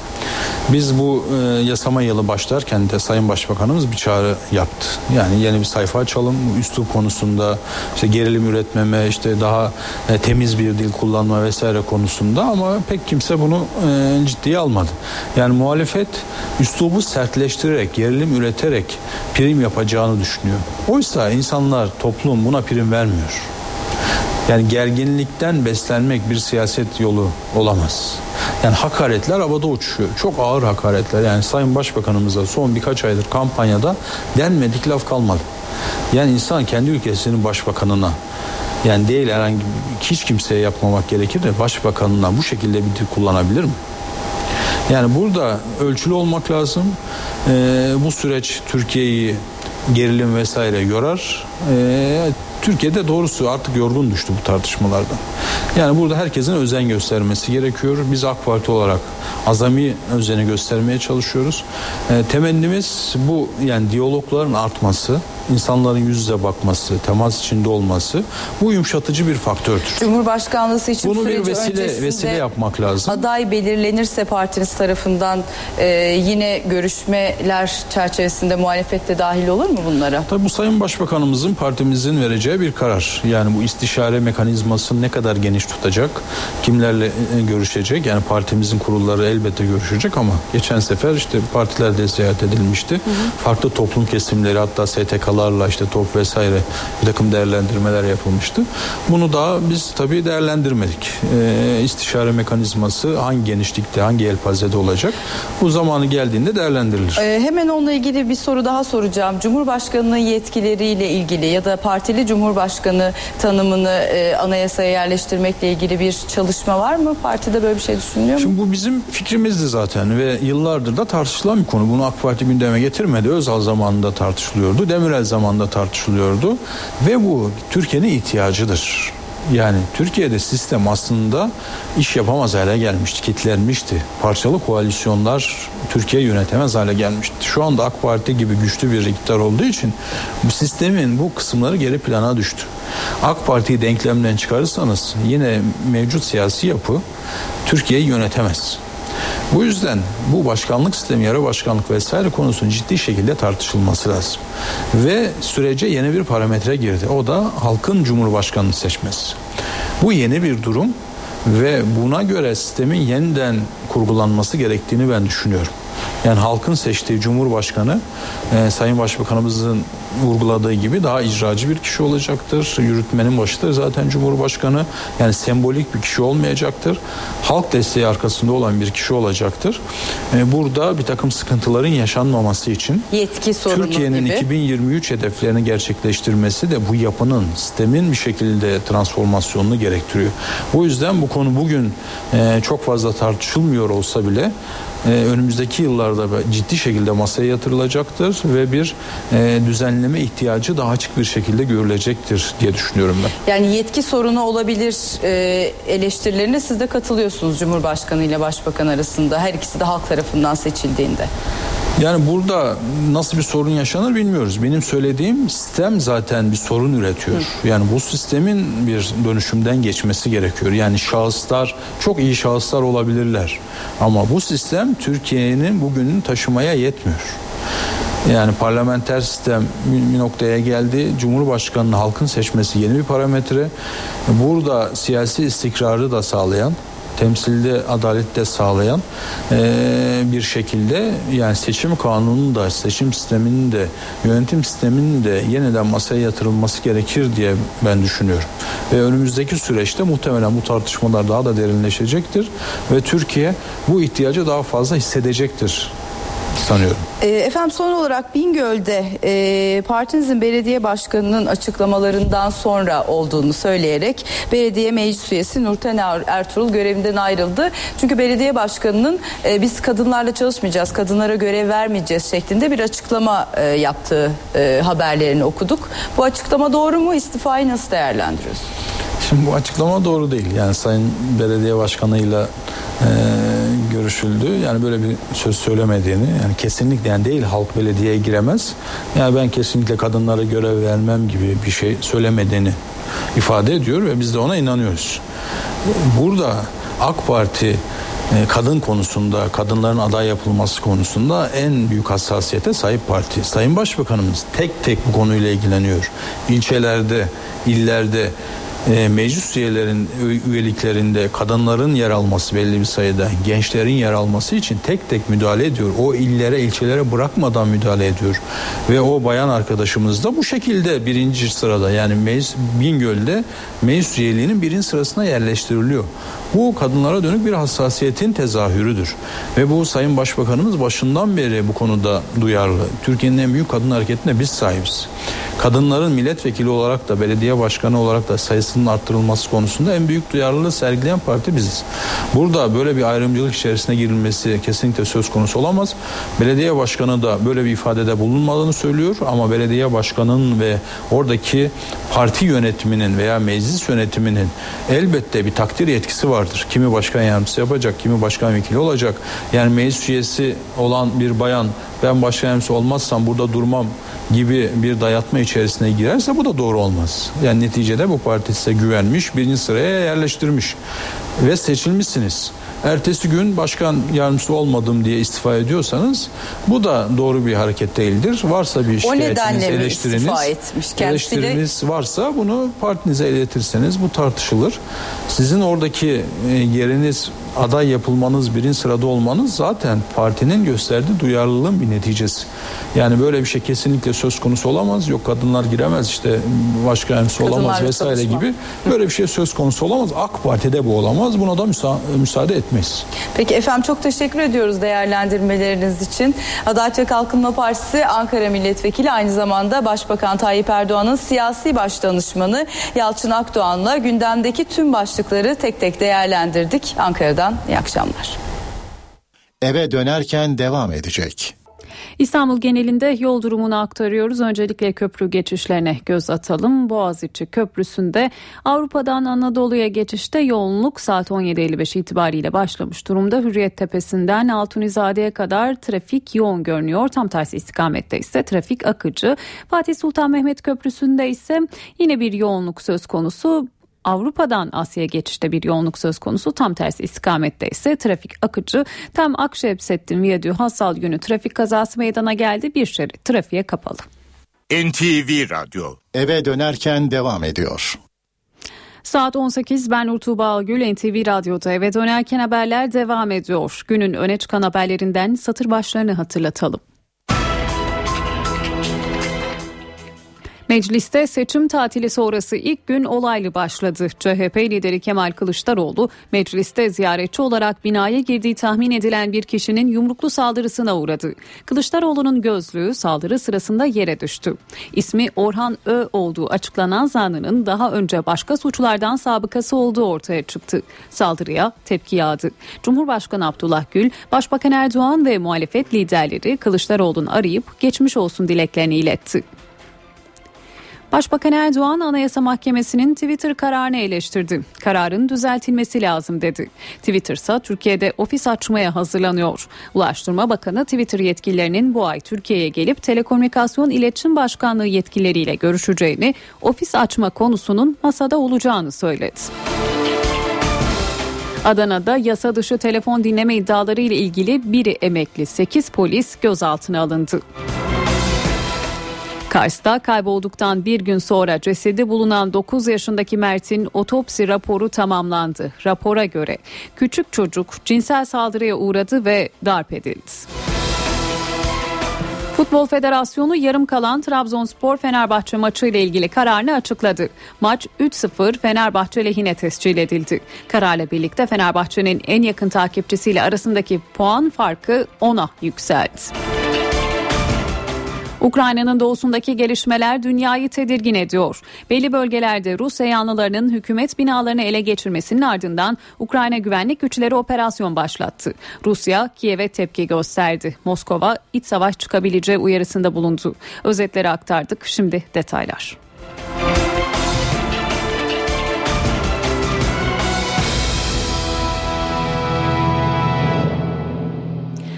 Türkiye Cumhurbaşkanlığı seçimini konuşurken meclisten gelen bir haber gündemi değiştirdi. Ana muhalefet partisinin lideri meclis koridorunda yumruklu saldırıya uğradı. Saldırgan yakalandı, kimliği tespit edildi ve şu an terörle mücadele şubesinde sorguda.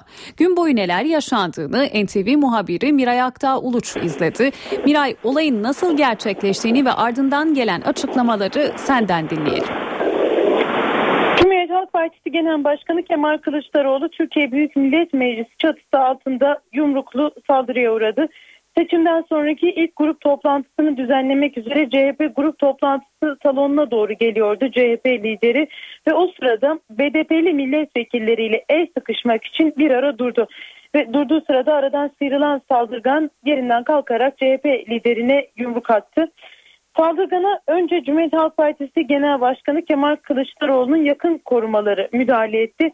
Sonrasında partililer ardından meclis polisinin de müdahalesi oldu ve o sıralarda Türkiye Büyük Millet Meclisi'nde CHP grup toplantısı salonunun önünde büyük bir arbede yaşandığını söyleyebiliriz. O arbede sırasında CHP Genel Başkanı bir ara e, CHP grup toplantısı salonunun önünden uzaklaştırıldı ve yeniden e, odasına makamına getirdiği belirtildi. Kılıçdaroğlu'nun yüzündeki darp izine hemen para basıldığını gördük. O sırada partililerden biri giderek madeni bir parayı e, darp izinin olduğu yere bastı. Ardından odasında sağlık görevlileri CHP liderlerine de ilk müdahaleyi yaptılar. Cumhuriyet Halk Partisi Genel Başkanı bu olayın ardından kısa bir süre sonra hemen kürsüye çıktı. Çünkü partisinin grup toplantısı vardı. Konuşma yapacaktı zaten ve grup toplantısında herkesi sükunete davet ettiğini söyledi. Demokrasi yolu engellerle doludur. Bu CHP liderine yapılan ilk saldırı değildir dedi ve daha önce İnönü'ye yapılan bir saldırıyı hatırlattı. Ülkeye sağlıklı demokrasi ya getireceğiz ya da getireceğiz ifadelerini kullandı. Saldırgan tabii e, ilk müdahalenin ardından mecliste meclis idare amirliğine götürüldü. Oradan e, bir kadın kuaförü var mecliste. Kadın kuaförün içerisine sokuldum. E, 1986 doğumlu saldırgan Erzurum'un Yakutiye ilçesi nüfusuna kayıtlı. Ankara Altındağ doğumlu Orhan Ö olduğu ifade edildi. Plastik kelepçe takıldı kendisine e, ve sonrasında meclisten önce Kavakkıdere polis karakoluna ve sonrasında da e, emniyete götürüldü. E, Meclis Başkanı Cemil Çiçek, Cumhurbaşkanı Abdullah Gül e, ve e, bunun yanı sıra Başbakan Recep Tayyip Erdoğan'dan da gelen geçmiş olsun telefonları oldu. Meclis Başkanı Cemil Çiçek bizzat makamını ziyaret etti. CHP liderinin ve güvenlik zafiyetiyle ilgili konunun görüşüldüğü ifade edildi. Ee, ve bu mesajların ardından Cumhuriyet Halk Partisi Genel Başkanı'nın da e, olayın ardından çok sayıda ziyaretçiyi kabul ettiği belirtildi. NTV muhabiri Miray Akta Uluç aktardı. Mecliste kalmaya devam ediyoruz. Bugün partilerin grup toplantıları yapıldı. Başbakan Erdoğan konuşmasında seçim analizi yaparak başladı. Ardından konuyu paralel devlete getirdi. Bu yapıdan hesap soracağız dedi. 30 Mart çok ama çok önemlidir. 30 Mart 27 Mayıs'ta başlayan silahların gölgesinde siyasetin artık son bulduğu tarihtir. Başbakan Recep Tayyip Erdoğan grup toplantısına seçim sonuçlarını değerlendirerek başladı. Ardından hedefine Gülen cemaatini aldı. İhanetin hesabını soracağız dedi. Biz bu yapılan ihaneti, bu alçaklığı sineye çekmedik çekmeyeceğiz. Açık açık söylüyorum. Hiç kimsenin yaptığı yanına kar kalmayacak. Başbakan paralel yapıyla mücadele konusunda İsmet İnönü'nün sözüyle çağrı yaptı. Sorumluların hepsi yargı önünde hesap verecekler. Fakat altını çiziyorum. Kendi paralel yargıları önünde değil, milletin yargısı önünde hesap verecekler. Namussuzlar kadar namuslular cesur olmadıkça başarıyı elde edemeyiz. Başbakan konuşmasında muhalefete de yüklendi. Balkon konuşmasını kendileri yapsın dedi. Biz balkon konuşmasını milletimizin diliyle sandıkta yaptık. Millet ne bekliyor biliyor musunuz? Muhalefet partilerinden bir balkon konuşması bekliyor. Çıksınlar balkona ahlak dışı siyasetleriyle nasıl kaybettiklerini izah etsinler. Başbakan Erdoğan yolsuzlukla mücadelede kararlılık mesajı da verdi. Yolsuzluklar konusunda hiç kimsenin gözünün yaşına bakmayacağımızı burada tekrar ilan etmek istiyorum. Samimi her iddiayı ciddiye alırız. Yetimin hakkına el uzatana asla müsamaha göstermeyiz. O eli kırmakta asla tereddüt etmeyiz. Her iftiraya, her iddiaya da boyun eğecek değiliz. CHP lideri Kemal Kılıçdaroğlu saldırı sonrasında çıktığı kürsüde gündemdeki gelişmeleri de değerlendirdi. Kılıçdaroğlu yerel seçimde oylarını arttırmalarına rağmen beklentilerinin karşılanmadığını söyledi. Sandıktaki usulsüzlük iddialarını hatırlatan CHP lideri hükümete Enerji Bakanı'nın trafoya kedi açıklaması üzerinden yüklendi. Bu seçimin bir diğer özelliği Cumhuriyet tarihinin yaşadığı en şaibeli seçimlerden birisinin olmasıdır. CHP lideri Kemal Kılıçdaroğlu partisinin grup toplantısında 30 Mart yerel seçimlerini değerlendirdi. Seçime şaibe karıştı diyen Kılıçdaroğlu hükümeti sert sözlerle eleştirdi. 44 ilde elektrikler kesildi. Kedi trafoya girmiş. Doğrusunu isterseniz hemen arkadaşlara dedim Şero yerinde mi diye. Genel merkezin kedisi biliyorsunuz. Şero'nun trafo, trafoya girmediğini öğrendik. Ama kediyi aramak istiyorsanız Bakanlar Kurulu'nda Bakanlar Kurulu sıralarına bakmak lazım. Kılıçdaroğlu seçim sonucu üzerinden öz eleştiri de yaptı. Seçimler beklentilerimizi karşıladı mı? Hayır. Açık yüreklikle. Çünkü bizim beklentilerimiz daha yüksekti. Karşılamadı. 2009 seçimlerine göre 2 milyon oyumuz arttı. 2011 seçimlerine göre 300 bin arttı. Ama bu bizi tatmin etmiyor. Kılıçdaroğlu yolsuzluk iddialarına halktan daha büyük bir tepki beklediklerini ama bunun gerçekleşmediğini söyledi. Türkiye'nin daha ciddi bir tepki göstereceğini düşünüyorum. O nedenle beklentilerimiz yüksektir. Ve ben gittiğim bütün seçimlerde bitik meydanlarında kamuoyunun vicdanına seslendim. MHP'nin grup toplantısında Ağustos ayında yapılacak Cumhurbaşkanlığı seçimi değerlendirildi. Genel Başkan Devlet Bahçeli partisinin tavrını seçime 4 ay kala ilan etti. Bahçeli Başbakan Erdoğan'ın adaylığına kesin bir dille karşı çıktı. Herkes olabilir ama başbakandan Cumhurbaşkanı olmaz dedi. Bahçeli'nin gündeminde yerel seçim sonuçları ve seçimdeki şaibe iddiaları da vardı. İki yanlıştan bir doğru çıkmaz. Tekeden süt sağılmaz. Balda tuz bulunmaz. Recep Tayyip Erdoğan'dan da Cumhurbaşkanı olmaz. MHP lideri Devlet Bahçeli, Başbakan Erdoğan'ın olası Cumhurbaşkanlığı adaylığına kesin bir dille karşı çıktı. Devlet Bahçeli, Cumhurbaşkanlığı seçimi için muhalefetin ittifakı çağrılarına da temkinli yaklaştı. Biz Cumhurbaşkanlığı meselesini konuşmak için daha erken olduğunu olduğu kanaatindeyiz. İttifak söylentilerinde çok çiğ ve ham değerlendirmeler olarak görüyoruz. Seçim sonrası ilk grup toplantısında yerel seçim sonuçlarını da değerlendiren Bahçeli seçimden başarılı çıktıklarını savundu. Bahçeli, Enerji Bakanı'nın trafoya kedi girdi açıklamasını hatırlatarak hükümete yüklendi. Allah'tan doğadaki vahşi hayvanlar baraj sularını içip bitirmemiş, enerji nakil hatlarını kuşlar kemirmemiş, termik santrallerine meteor taşı düşmemiş, sadece paralel kediler suçlanarak vaziyet kurtarılmıştı. Herhalde kedilere dava açılması gündemdedir.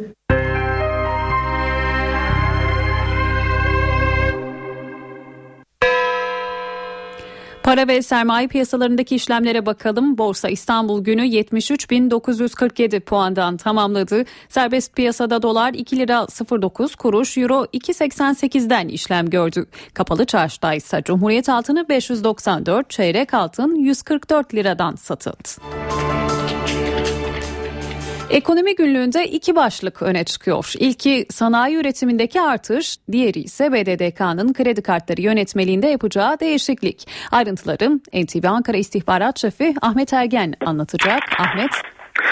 Sanayi üretimiyle başlayalım. Sanayi üretiminde yılın ilk ayında olduğu gibi ikinci ayında da beklentilerin üstünde bir artış geldi.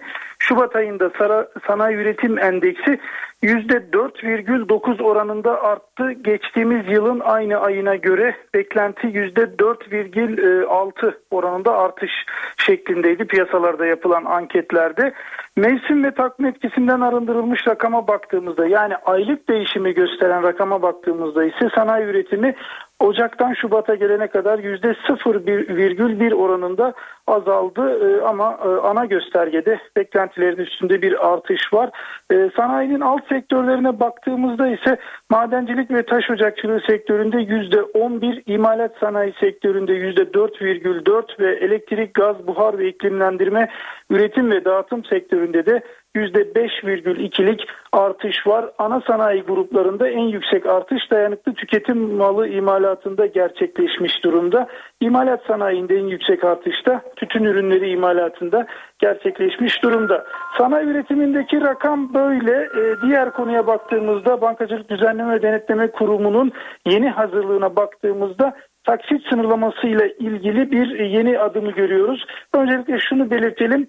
BDDK bankacılık sektörünün görüşüne açtığı bir taslakla bunu gündeme getirdi. Buna göre e, kredi kartı ile taksit sınırlamasında hediye çeki, hediye kartı ile yapılan alışverişlere de taksit yasağı geliyor. Özellikle kredi kartına taksit sınırlaması uygulamasının başlamasından sonra cep telefonu sektöründe başvurulan bir yöntemdi. Bu hediye kartı, hediye çekiyle alışveriş yapılmış gibi bir işlem yapıp bunu da 24 hatta 36 aya varan taksitlere bölme işlemleri söz konusuydu. Şimdi yeni yönetmelik taslağıyla bunun da önlenmesi için adım atmaya hazırlanıldığı ortaya çıktı. Söylediğimiz gibi hediye kartı, hediye çeki ve benzeri şekillerde herhangi bir mal veya hizmet içermeyen ürün alımlarına da taksit yasağı getirilecek bu düzenleme olduğu gibi kabul edilirse. Ekonomi günlüğünde ayrıntıları NTV Ankara İstihbarat Şefi Ahmet Ergen aktardı. 17 Aralık operasyonunda adı geçen Halk Bankası eski genel müdürü Süleyman Aslan, Ziraat Bankası Yönetim Kurulu üyeliğine seçildi. Ziraat Bankası Yönetim Kurulu üyesi olarak 3 yıl görev yapacak olan Aslan, bugün yemin ederek görevine resmen başladı. Süleyman Aslan, 17 Aralık soruşturması kapsamında tutuklanmasının ardından 7 Şubat'ta Halkbank Genel Müdürlüğü görevinden ayrılmış, 14 Şubat'ta da cezaevinden tahliye edilmişti.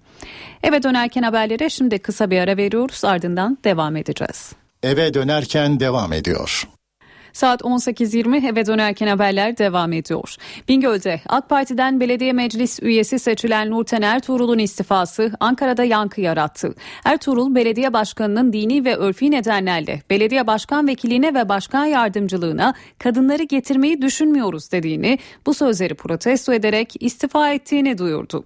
Bingöl Belediye Başkanı tepkiler üzerine bu sözleri reddetmedi. Ancak AK Partili kadın belediye meclis üyesinin istifasının kişisel beklentileri karşılanmadı karşılanmadığı için olduğunu iddia etti. CHP lideri Kemal Kılıçdaroğlu ise AK Partili Ertuğrul'u tavrından ötürü tebrik ettiğini duyurdu. Dinimizde kadınlar çalışmaz diye bir şey yok dedi. Başkan yardımcısı olmak ister. Gidip söylediği zaman onu reddederler ve başkan yardımcılığı koltuğunu ona vermezler. Bu kadının söylediği şu cümle, şu cümleler çok çok önemli. Diyor ki gece gündüz 24 saat kapı kapı dolaşıp çalışma yapacağız. Sonra bize dinen ve örfen kadınların görev alamayacağı söylenecek. Bunu kabul etmem söz konusu değildir. Bu kadına en samimi teşekkürlerimi gönderiyorum. Bizim ne geleneklerimizde ne de dinimizde kadının çalışmayacağına dair hiçbir hüküm yok. Kadın çalışıyor mu çalışmıyor mu? Gitsinler Karadeniz'e baksınlar. Kırsal kesime gidip baksınlar. Oralarda kadın çalışacak da makam mevki olunca mı kadına kapatılacak? Bütün kadınlar o kadın kardeşimizin bu söyleminden bir ders çıkarsınlar. Aile ve Sosyal Politikalar Bakanı Ayşenur İslam'dan da açıklama geldi. Bakan İslam AK Parti'de kadınlar çalışamaz söylemi olmadığını söyledi. Arkadaşımızın böyle bir beyanı var. Eğer gerçekten e, belediye başkanı tarafından böyle bir konuşma yapıldıysa çok yadırgatıcı. Bizim hükümet olarak, AK Parti olarak prensiplerimizin tamamen dışında bir söylem. Ama gazete haberleri üzerinden isterseniz çok daha fazla bir açıklama yapmayalım. İşin aslında öğrenmeye çalışalım ondan sonra konuşuruz. Bir araştırma yapmayı düşünüyor musunuz bu konuda? Ee, yani meselenin ne olduğunu öğreneceğiz. Adana'da yasa dışı telefon dinlemeye ilişkin operasyon düzenlendi. Yapılan baskında bir emekli 8 polis gözaltına alındı. Aralarında emniyet müdür yardımcısı da var. Ankara'da da Emniyet Genel Müdürlüğü İstihbarat Daire Başkanlığında görev yapan ikisi müdür, ikisi polis amiri 4 polis de ifadeye çağrıldı. Zanlıların yasa dışı dinlemelerle ilgili gazetelerde çıkan haberlerin ihbar kabul edilerek yakalandığı bildiriliyor. Kars'ta kaybolduktan bir gün sonra cesedi bulunan 9 yaşındaki Mert Aydın'ın otopsi raporu tamamlandı. Çocuğun cinsel saldırıya uğradığı ve darp edilerek öldürüldüğü belirlendi. Olaya tepki gösteren öfkeli kalabalık failin yakalanması talebiyle emniyete yürüdü. 9 yaşındaki Mert'in ölümüne tepki gösteren kalabalık emniyete yürüdü. Faili bulmak için ciddi bir çaba sarf ediyoruz. Kalabalığı Mert'in amcasıyla emniyet müdür yardımcısı sakinleştirdi. Kars'ta kaybolduktan bir gün sonra cesedi bulunan 9 yaşındaki Mert Aydın'ın ölümüne tepkiler sürüyor. Aralarında çocuğun yakınlarının bulunduğu kalabalık grup olayın failinin bulunması için eylem yaptı. Adliye önünde toplanan grup önce Cumhuriyet Savcısı ile görüşerek soruşturma hakkında bilgi aldı. Daha sonra valilik önüne giden grup Vali Eyüp Tepe ile görüştü. Vali sükunet çağrısı yaptı. Başınız sağ olsun. Ben Allah sabır diliyorum. Ama yani şu aşamada bu bize hizmet etmez ki yapmak istediğimiz şey. Öfkeli kalabalık daha sonra emniyet binasını yürümek isteyince tansiyon yükseldi. Polis kalabalığa izin vermedi. Arbede çıktı. Gerginlik büyüyünce Mert'in amcasıyla emniyet müdür yardımcısı devreye girdi. Hepinizin yüreğine kurban olayım. Sağduyu çağrısının ardından kalabalık dağıldı. Mert Aydın'ın okulunda da yaz vardı.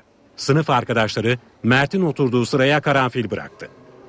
Cinayet kurbanı Mert Aydın'a Erzurum'da yapılan otopsisi ise tamamlandı. Küçük çocuğun cinsel saldırıya uğradığı, ardından darp edilerek öldürüldüğü belirlendi. Otopsinin ardından yakınlarına teslim edilen cenaze toprağa verilmek üzere Kars'a götürüldü. Eskişehir'de cezaevinden çıkan baba kızını görmesine izin vermeyen çocuk yuvasına saldırdı. Çok sayıda küçük çocuğun bulunduğu yuvada öğretmen ve güvenlik görevlisini rehin alan saldırganın yakalanması kolay olmadı. Bir buçuk yaşındaki kızını göremeyince ortalığı birbirine kattı. Cezaevinden 15 gün önce şartlı tahliye edilen 26 yaşındaki Hasan Ö, gece Eskişehir çocuk yuvasında kalan bir buçuk yaşındaki kızını görmeye gitti. Ancak ziyaret saati olmadığı için güvenlik görevlisi babanın içeri girmesine izin vermedi. Güvenlik görevlisini bıçakla rehin alan zanlı nöbetçi öğretmenden çocuğunu getirmesini istedi.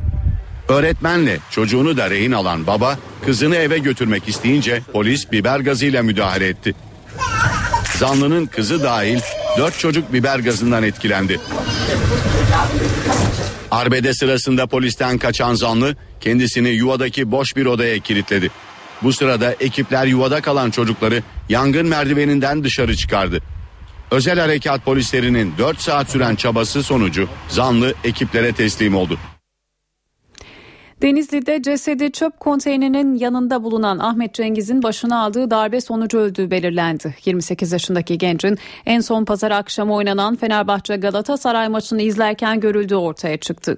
Güvenlik kameralarını inceleyen polis Cengiz'in olay günü en son akşam 19'da derbi maçını izlerken bir kafede olduğunu tespit etti. Kafedekiler Ahmet Cengiz'in maç sırasında televizyonun önüne geçtiği için dışarı çıkarıldığını söyledi. Yapılan otopside vücudunun birçok yerinde kırıklar olduğu belirlenen Cengiz'e sert bir cisimle defalarca vurulduğu tespit edildi. Otopside de başına aldığı darbe sonucu beyin kanaması geçirerek hayatını kaybettiği belirlendi. Denizli Emniyet Müdürlüğü olayla ilgili özel bir ekip görevlendirdi. Ahmet Cengiz, Denizli Spor'la Tavşanlı Linyit Spor arasında oynanan maçta sahaya inmiş, gözaltına alındıktan sonra serbest bırakılmıştı. Gezi Parkı eylemleri sırasında palayla göstericilere saldıran Sabri Çelebi hakkında mahkeme bu sabah yakalama kararı çıkartmıştı. Ancak bu karar Çelebi'nin mahkemeye gidip ifade vermesi üzerine kaldırıldı.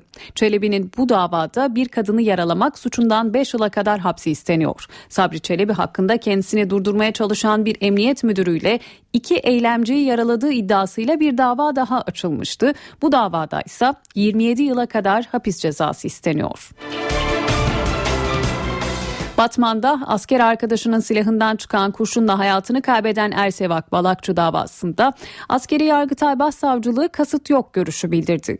Balıkçıyı öldüren tetiği çeken asker Kıvanç Ağoğlu'na bilinçli taksiyle adam öldürmek suçundan 4 yıl 5 ay hapis cezası verilmiş, dava temize götürülmüştü. Askeri yargıtay başsavcılığı mütalasında olayın kasıt sonucu gerçekleştiğine dair yeterli ve ikna edici delil olmadığını bildirdi. Son sözü askeri yargıtay söyleyecek.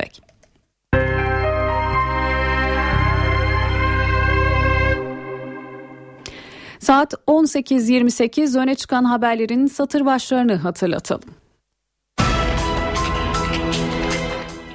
Meclis seçim tatili sonrası ilk güne olaylı başladı. CHP lideri Kılıçdaroğlu mecliste yumruklu saldırıya uğradı. İsmi Orhan Ö olduğu açıklanan zanlının sabıkalı olduğu belirlendi. Saldırgan Alperen Ocağı'ndan olduğunu söyledi ancak BBP bu bilgiyi yalanladı. Saldırıya Cumhurbaşkanı, Meclis Başkanı, Başbakan ve muhalefet liderlerinden tepki yağdı.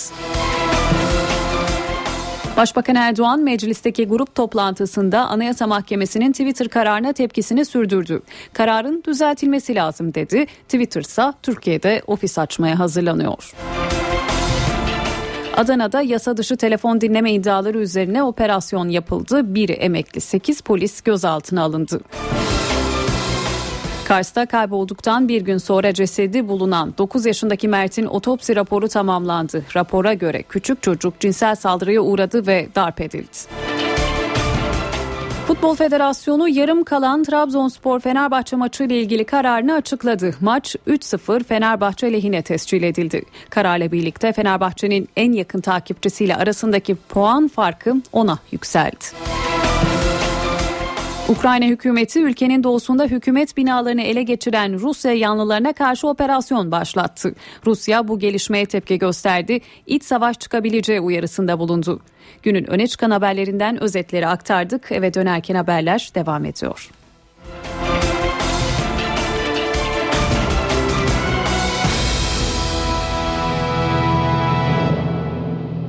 Şimdi yurt geneli için hava tahminlerini alacağız. NTV Meteoroloji Editörü Gökhan Aburu dinliyoruz. İyi akşamlar. Batıda yağışın kesilmesi ve rüzgarın zayıflayarak güneye dönmesi sıcaklıkları yükseltiyor. Ama hafta sonu Trakya'dan başlayarak havanın yeniden soğumasını bekliyoruz. Yarın Güney Ege, Akdeniz, İç Anadolu, Doğu Karadeniz ve Güneydoğu'da yağış var. Perşembe günü Akdeniz ve Doğu'daki yağışlar aralıklarla devam ederken Batı, Trakya'dan başlayarak yeniden yağışlı havanın etkisine girecek. Cuma günü Doğu Anadolu ve Güneydoğu'da yağışlar etkisini kaybederken Batı Akdeniz, Ege, Marmara, Karadeniz'in tamamı İç Anadolu'nun batısındaki yağışlar yer yer kuvvetli olmak üzere devam edecek. Yarın İstanbul'da hava açık ve güneşli. Rüzgar oldukça zayıf. Sıcaklık ise 16 derece olacak. Ama akşamları soğuk. Ankara'da yarın hava açıyor. Sıcaklık bugüne göre biraz artacak ve 17 derece olacak. İzmir'de ise sıcaklıklar yükselmesini sürdürüyor. Hava açık. Öğle saatlerinde ılık esecek rüzgarla birlikte sıcaklık 21 derecenin üzerine çıkacak. Hepinize iyi akşamlar diliyorum. Hoşçakalın. Şimdi kısa bir ara veriyoruz. Ardından eve dönerken haberler devam edecek. Eve dönerken devam ediyor.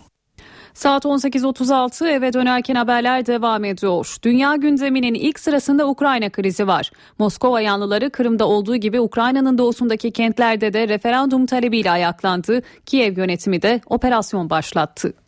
Rusya yanlıları hükümet binasının önünde yangın çıkardı. Göstericiler bulabildikleri her şeyi ateşe verdi. Alevlerin bir bölümü hükümet binasına sıçrarken Moskova taraftarları itfaiyenin müdahale etmesine de engel oldu. Kente Rus yanlılarıyla Ukraynalı taraftarlar arasında da gerginlik yaşandı. Gelişmeleri kaygıyla izleyen Kiev ise Harkiv'de terör operasyonu başlattı. İçişleri Bakanlığı operasyonda 70 ayrılıkçı Rus yanlısının gözaltına alındığını duyurdu. Olup bitenden Rusya'yı sorumlu tutan Ukrayna, Kırım senaryosunun ülkenin doğusundaki diğer bölgelerde de gerçekleşmesine izin vermeyeceğini vurguluyor. Rusya ise Kiev'e bölgede askeri bir operasyona girişmemesi uyarısında bulundu. Bunun bir iç savaşa yol açabileceği kaydedildi. Rusya yanlıları hafta sonu Harkiv'in yanı sıra Luhansk ve Donetsk kentlerinde hükümet binalarını ele geçirmiş ve Kırım'da olduğu gibi Rusya'ya katılım için referandum yapılması talebini dile getirmişti. Amerika'nın gizli bilgilerini basına sızdıran eski CIA çalışanı Edward Snowden bugün Avrupa Konseyi Parlamenterler Meclisi'ne Rusya'dan video konferansla bağlandı. Avrupalı parlamenterler ne sordu, Snowden neler söyledi? NTV temsilcisi Kayhan Karaca'dan öğreneceğiz. Kayhan. Evet, ABD Ulusal Güvenlik Kurumu e, NSA'in e, küresel ve kitlesel dinleme ve izleme programı hakkında Avrupa Konseyi Parlamenter Meclisi'ne bugün bilgi verdi Edward Snowden ve bir kez daha daha önce yaptığının da ötesinde hatta tüyler ürpertici açıklamalarda bulundu. Ee, Avrupa Konseyi Parlamenter Meclisi Hukuk İşleri ve İnsan Hakları Komisyonu tarafından e, NSA'in dinleme ve izleme programı hakkında bugün Strasbourg'da bir e, özel bir oturum, komisyon oturumu düzenlendi. Ve e, Snowden bu komisyon oturumuna video konferansla Moskova'dan katıldı. E, ve Amerikan istihbaratının dünya genelinde hiçbir yasal zemin ve kontrol olmaksızın birey ve grupları takip aldığını söyledi Snowden. Dinleme, dinleme ve izleme faaliyetlerinin tamamen NSA teknisyenlerinin inisiyatifiyle e, keyfi biçimde yapıldığını söyledi. Değişik algoritmalar oluşturularak gerçekleştirildiğini e, bu elektrik elektronik taramaların e, söyledi. E, sadece siyasi değil aynı zamanda ekonomik ve ticari alanları da kapsadığını belirtti. Elektronik dinleme ve izleme operasyonları sayesinde bireylerin siyasi görüşleri, coğrafi konumları, cinsel tercihleri, kimlikleri, dostluk ve iş ilişkileri ve elektronik ortamda bıraktıkları her türlü izin kolayca takibe alındığını söyledi.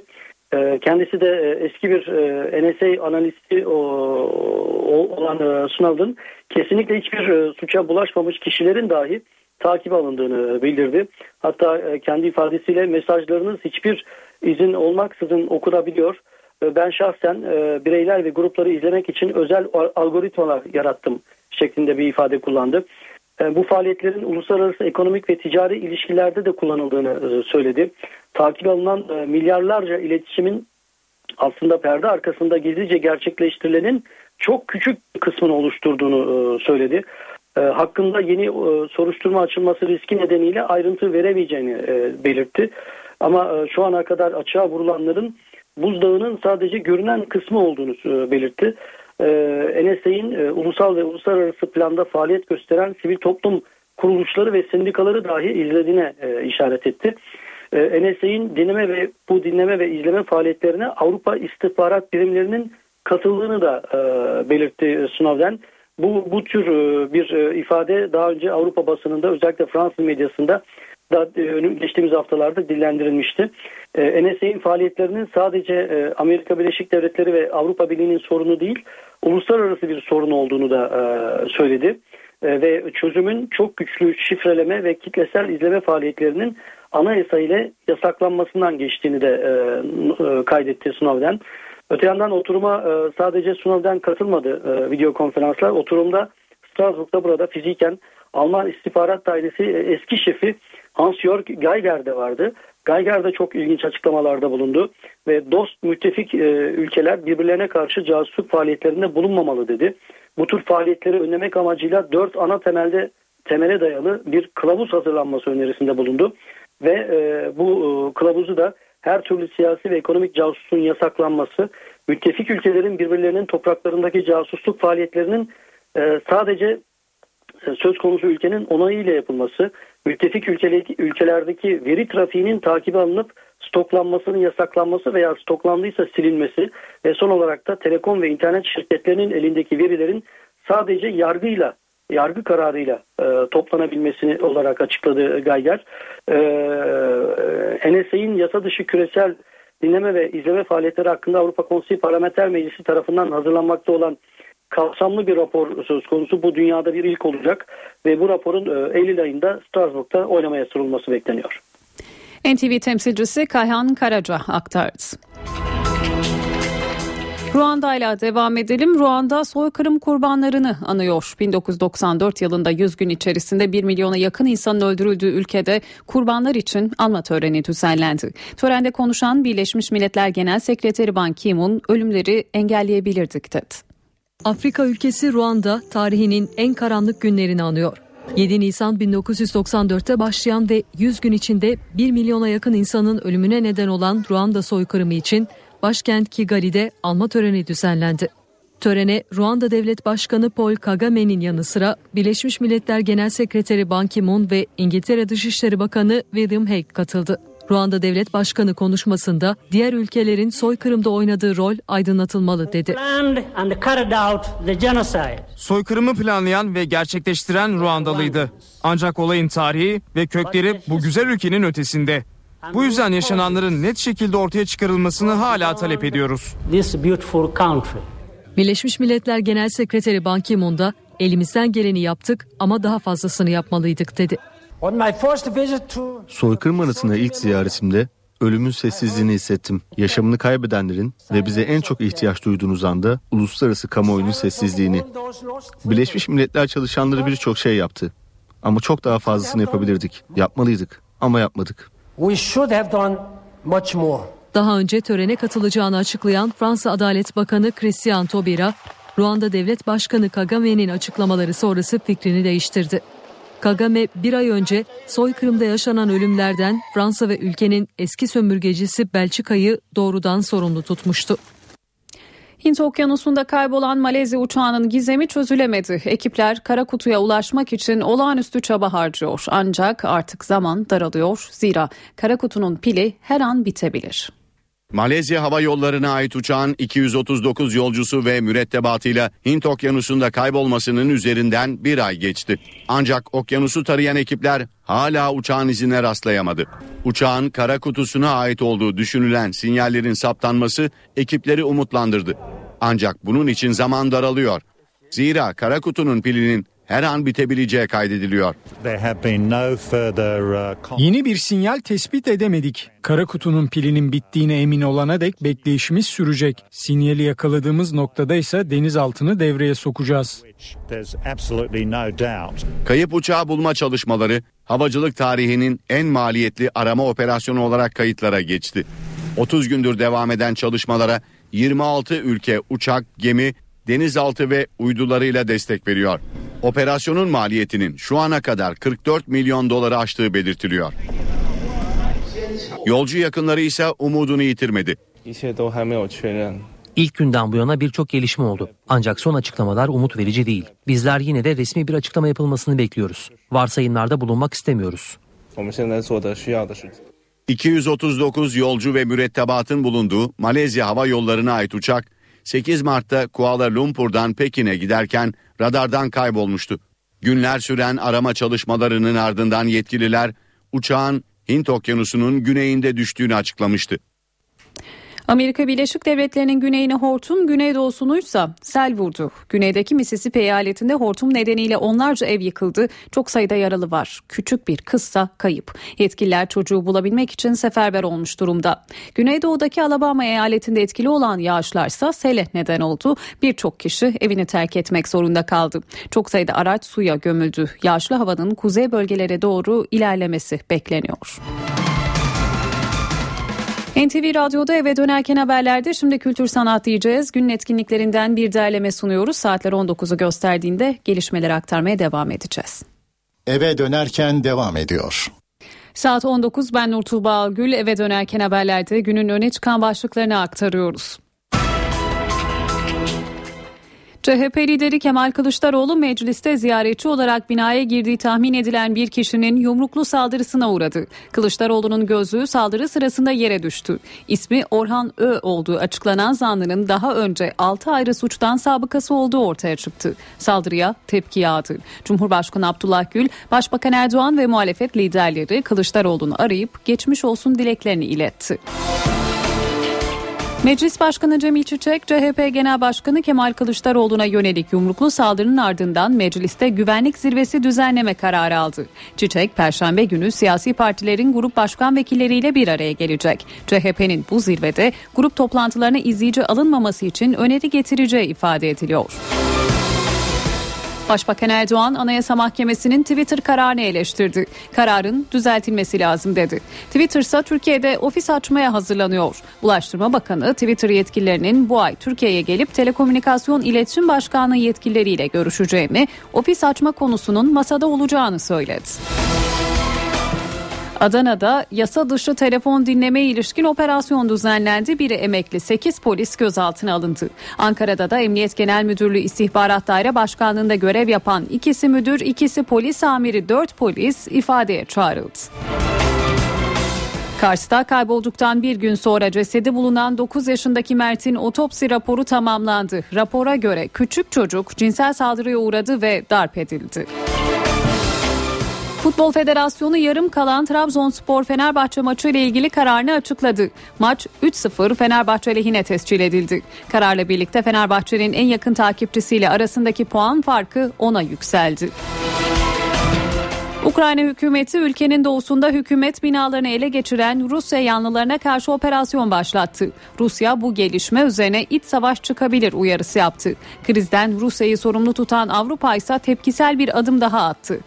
Rusya'nın Avrupa Konseyi Parlamenterler Meclisi'ndeki 18 üyesinin oy hakkı elinden alındı.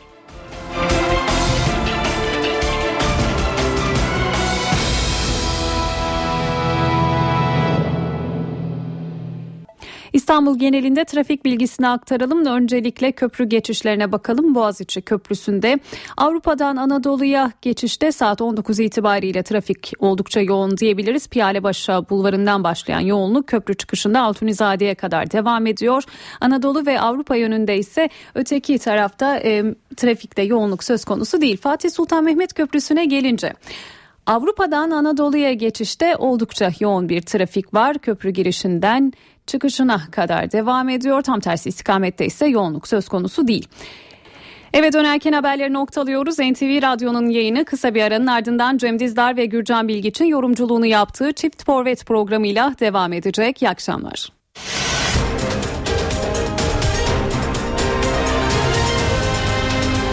NTV Radyo, Türkiye'nin haber radyosu.